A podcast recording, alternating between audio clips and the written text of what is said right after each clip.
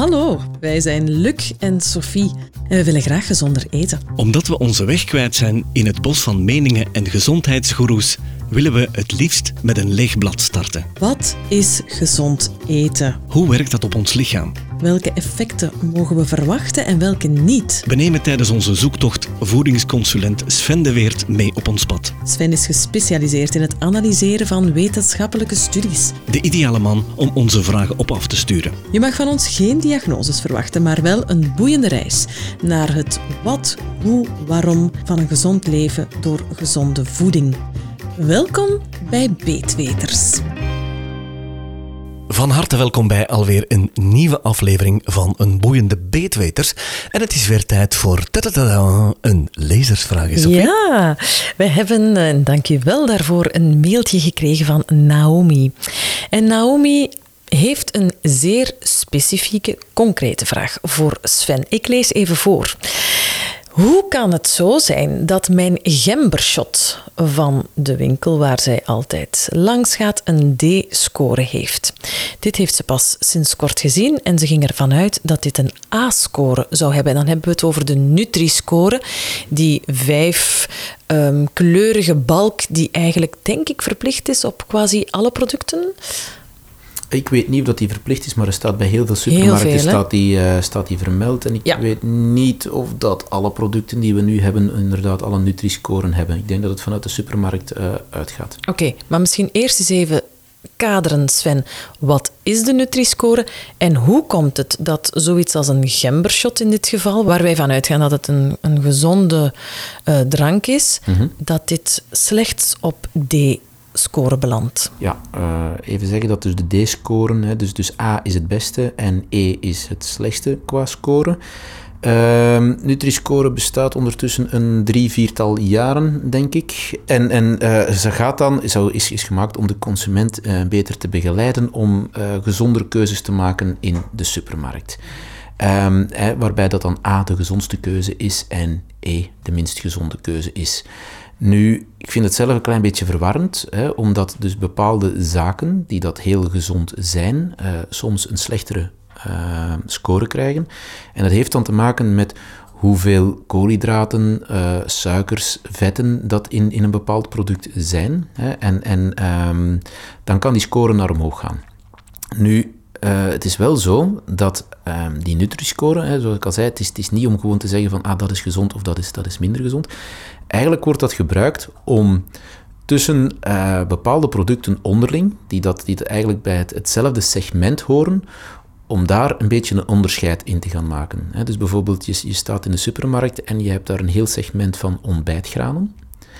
En dan kan je bij die ontbijtgranen gaan kijken, ah, de deze heeft een Nutri-score B, de deze heeft een C, de deze heeft een D. Dus die worden met elkaar vergeleken. Dus bepaalde ontbijtgranen, daar gaan dan heel veel extra suikers aan toegevoegd worden. Neem nu, als je eentje hebt zonder toegevoegde suikers, dan zijn die ontbijtgranen gaan een betere score hebben dan degene waar heel veel suiker aan toegevoegd Oké, is. dus het ganse product gamma wordt in rekening gebracht Ja. of worden met elkaar vergeleken. Ja, ja, dus daar heeft het Aha. eigenlijk mee te maken. Het is blijkbaar een algoritme dat eh, positieve eigenschappen koppelt aan negatieve eigenschappen. Maar wat er niet bij staat, en dan ben ik blij dat jij dat zegt, Sven, het is in een bepaalde productgroep Ja. dat bepaalde producten en merken met elkaar worden vergeleken in één segment. Hè? Ja, ja dus eh, je, je, het is niet zo dat... En, en, en vandaar bijvoorbeeld, hè, want, want dan kunnen we naar, naar het snoep gaan. eh, of naar de chocolade. En dan kunnen we zeggen van... Ah, die chocolade heeft een B-score en die chocolade heeft een, een D-score. Terwijl dat bijvoorbeeld ja, chocolade minder gezond is dan eh, bepaalde andere zaken. Bijvoorbeeld de groenten en het fruit. Eh, en dan kan je bijvoorbeeld in groenten en fruit bepaalde zaken ook wel ergens een B of zo gaan vinden. Omwille van, ah, daar zit meer van dat of dat in. Hè, dus, dus een voorbeeldje van bijvoorbeeld eh, bij vis. als we een zalm vinden of zo. die gaat een hogere score krijgen omdat daar vrij veel vet in zit. Terwijl, ja, eigenlijk is dat niet ongezond. Het hoeft niet per definitie een ongezond product te zijn. Maar als we verschillende soorten vis met elkaar gaan vergelijken, dan gaan we vissoorten vinden waar minder vet in zit. En dat is dan volgens dat algoritme een gezondere vis dan die vis waar gigantisch veel vet in zit. Maar ja, je moet toch het ganse product in zijn totaliteit zien. Ja, bijvoorbeeld gerookte zalm, vette zalm, ehm, hebben we pas vorige aflevering gezien, is juist heel gezond. Die omega-3 komt erin voor. Dus het is eigenlijk heel belangrijk dat we die gaan eten. Dan is het toch jammer dat er zo weer een verwarrende code of, of een... Of ja, een... ja, klopt, klopt. Dus inderdaad, dat is, dat is soms verwarrend. En vandaar ook dat die gembershot, nu ik weet niet van buiten... We weten niet welke gembershot het is. Ik weet niet of dat, dat gewoon een, een puur natuur is of dat daar zaken aan toegevoegd zijn. En dan zou het kunnen van, oké, dat staat hier in de rayon van de dranken, van bepaalde dranken, uh, bepaalde zaken. En dan gaan ze kijken van hoeveel koolhydraten, hoeveel eiwitten, hoeveel vetten, hoeveel zaken zijn er wel en niet aanwezig. We vergelijken dat met allemaal ten opzichte van, van elkaar. En dan gaan de gezondere, dus waar bepaalde zaken niet in zitten, een A of een B krijgen. En dan kan het zijn dat de gembershot een D krijgt. Want, voor alle duidelijkheid, zou Naomi haar gembershot dan vergeleken worden met andere gembershots in de winkel of ook met andere soortgelijke dranken? Met andere soortgelijke dranken. Ah ja, want, dus dat gaat ja. in de rayon staan van de dranken, hè, want, want dat zijn zaken die dat eh, ja, als drank. En dan kan dat daar gaan vergeleken worden met andere zaken. Maar bijvoorbeeld met een cola of met water. Eh, want ja, tegenover ja. water gaat elke drank een D-score krijgen. Ja, voilà. Dus dat kan vergeleken worden met bijvoorbeeld een water. En dat gaat dan, de frisdranken die zullen hun eigen score krijgen. En dan een, een frisdrank waar dat meer suiker in zit. En zo gaat de cola zero dan een betere score krijgen dan de gewone cola. Mhm. Uh, en zo gaat een, of, of, een cola light en zo. Dus, dus uh, als er minder suikers in zitten, gaat dat dan die frisdrank een betere score krijgen dan de frisdrank waar meer suikers in zitten. Maar het blijft frisdrank. Dus. Ik weet niet of ik het een valabel systeem vind. Het ik, is een, ik, beetje, het is een beetje ingewikkeld. Ja, en mensen... Ten eerste, ik denk dat het veel te weinig duidelijk is dat dit de werking is van het systeem, namelijk dat verschillende producten binnen een gamma met elkaar vergeleken worden. Mm -hmm. En het is ook niet duidelijk op welk gebied de zaken met elkaar vergeleken worden. Want bijvoorbeeld, ga je naar het vetgehalte zien, ga je naar het suikergehalte zien, dat is al een heel groot verschil. Ja. En um, ja, als gerookte zalm de quotatie D krijgt, vind ik dat je mensen daarmee verkeerd informeert. Ja, nu ik weet niet van buiten welke quotatie zalm heeft, maar in vergelijking, ja, oké, okay, goed. Maar in vergelijking met andere vissoorten heeft zalm meer vet, dus gaat dat een lagere score krijgen. Inderdaad, erg misleidend. Hè? Zoals Sophie zegt, vorige aflevering hebben we gezien dat we net die zalm gaan halen, omdat, daar, omdat het een vette vis is. Dus ik, het is een misleidend systeem op dat vlak. Uh, ja, het is, het is vrij verwarrend nu. En dat is een beetje, ja, dus mensen, mensen zien door de bomen het bos niet meer. En als we dan met kleurencodetjes gaan werken van dit is wel of niet gezond, gewoon op basis van algoritmes, Mhm. dan kan dat soms een beetje misleidend zijn, want soms komen er dan rare zaken uit. Hè. Je hebt daar eens een keertje het voorbeeld gegeven, Luc, van uh, de zak diepvriesfrieten uh, krijgt een score A. Ja, waarom? Daar zit nog niks in, hè. daar zit nog geen vet in, dat is, dat is niet bereid. Daar zit, dat is gewoon een puur natuurproduct. Hè. Dat is de, een aardappel in stukjes gesneden. Ja, die aardappel ja. in stukjes gesneden is vrij gezond.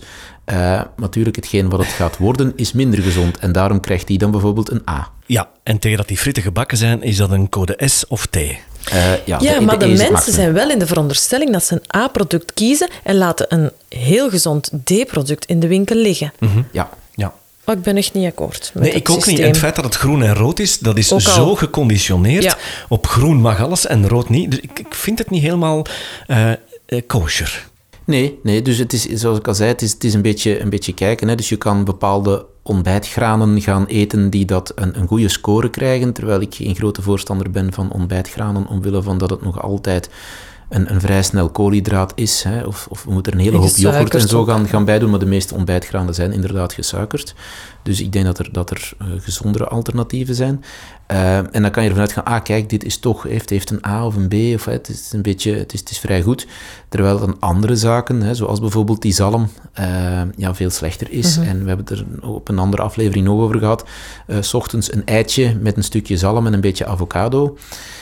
Ja, Mhm. dat, uh, dat is een, een vrij goed ontbijt eigenlijk. Uh, en als we naar de Nutri-score zouden kijken, ja, dan gaat dat toch uh, een mindere Nutri-score krijgen dan bijvoorbeeld een gewone ontbijtgraan. Mhm. eh, Eigenlijk zou de productgroep aan zich ook een Nutri-score moeten krijgen. Dat je bijvoorbeeld zegt, voor het, met het voorbeeld van de ontbijtgranen, ontbijtgranen zit in de D of in de E-sector. En binnen die D en E heb je dan een variant die ja, een beetje beter is dan de andere. Ja, maar, dan krijgen we heel de discussie van, van, van wat vinden we gezond en, en wie vindt wat gezond. Ja. Uh, zijn ontbijtgranen gezond? Ja, nee. Ja, dan gaan we daar de discussie over hebben.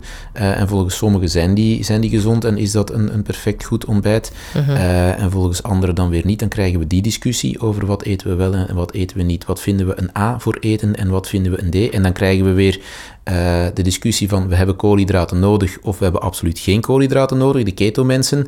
En dan uh, de mensen die zeggen van ja, we hebben koolhydraten nodig, uh, die gaan het ontbijt met de eitjes ehm, slecht vinden, want eitjes zijn verzadigd vet en daar mogen we niet te veel van krijgen. En de keto-mensen vinden net het tegenovergestelde. Dus ja, we gaan het nooit. Om nog maar te zwijgen van de voedingslobby, die ook nog wel achter de schermen actief zal zijn. Hè? Ik vrees ook dat wij niet de enige zijn die hierover discussiëren, want de Europese Unie raakt er ook niet uit. Die, uh, dat rapport laat ook op zich wachten, ondanks dat in 2017 hun, het, het label door Frankrijk al is doorgegeven. België heeft het ingevoerd, Spanje heeft het ingevoerd, maar er komt maar geen Europese uh, wetgeving hieromtrent. Dus we zijn niet de enige. Nee, ik denk dat dat een hele moeilijke is. Uh, er zijn heel veel discussies over ja, wat is nu wel niet gezond. Hè. Gewoon al uh, onze gezonde voedingsdriehoek, die is ook niet in elk land hetzelfde. De voedselaanbevelingen van hoeveel dat we van iets nodig hebben, van vitamine en mineralen, verschilt ook van land tot land.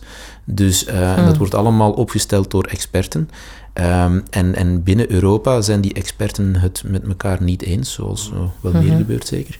Al, alhoewel de Wereldgezondheidsorganisatie hier al een overzichtsrapport heeft over gegeven, die hebben hun bevindingen al gedeeld met de Europese Unie, maar het komt er maar niet van. Ja, ja het is een, een, een moeilijke wereld om je in te begeven, denk ik. Vandaar dat we hopen voor de luisteraars toch een beetje verschil of wegwijs te kunnen maken. En om nog heel even terug te komen op het concrete uh, voorbeeld van Naomi, wat stel jij voor, Sven? En wat dat voor haar nu het beste is, dat zij bijvoorbeeld de, het etiket, de ingrediëntenlijst gaat erbij nemen wanneer ze in de winkel ja, ik zou haar gembershot wil uh, ja, weten van, van uh, of dat, dat gewoon de, de pure gember is, hè, zoals er tegenwoordig wel, uh, wel verkocht wordt. Dus ja. die, die, dat dan hè, verdient dient te worden, want dan zit er behalve gember, ik geloof nog een klein beetje citroen of zo voor de smaak. -huh. Mhm. voor de rest niet zo heel veel andere zaken in. Het kan ook zijn dat het al een, een product is dat al gemaakt is voor andere zaken dan aanwezig zijn, waar een beetje suikers of andere mhm. zaken aan toegevoegd zijn, dat, dat weet ik niet van buiten. Ja, ja. Dus maar gember blijft een, een, een, goed iets. Hè. En een natuurlijk product. Dus eventjes nakijken, Naomi, of dat er uh, toegevoegde uh, extraatjes ja, bij zijn. Oké, maar dan denk ik dat we het, uh, de discussie uh, en de polemiek voor uh, dit onderwerp vandaag kunnen staken. Maar ik ben benieuwd, dames en heren, of jullie ook dergelijke ervaringen hebben. Of jullie het ook zo moeilijk vinden om je juiste keuzes te maken in de winkel.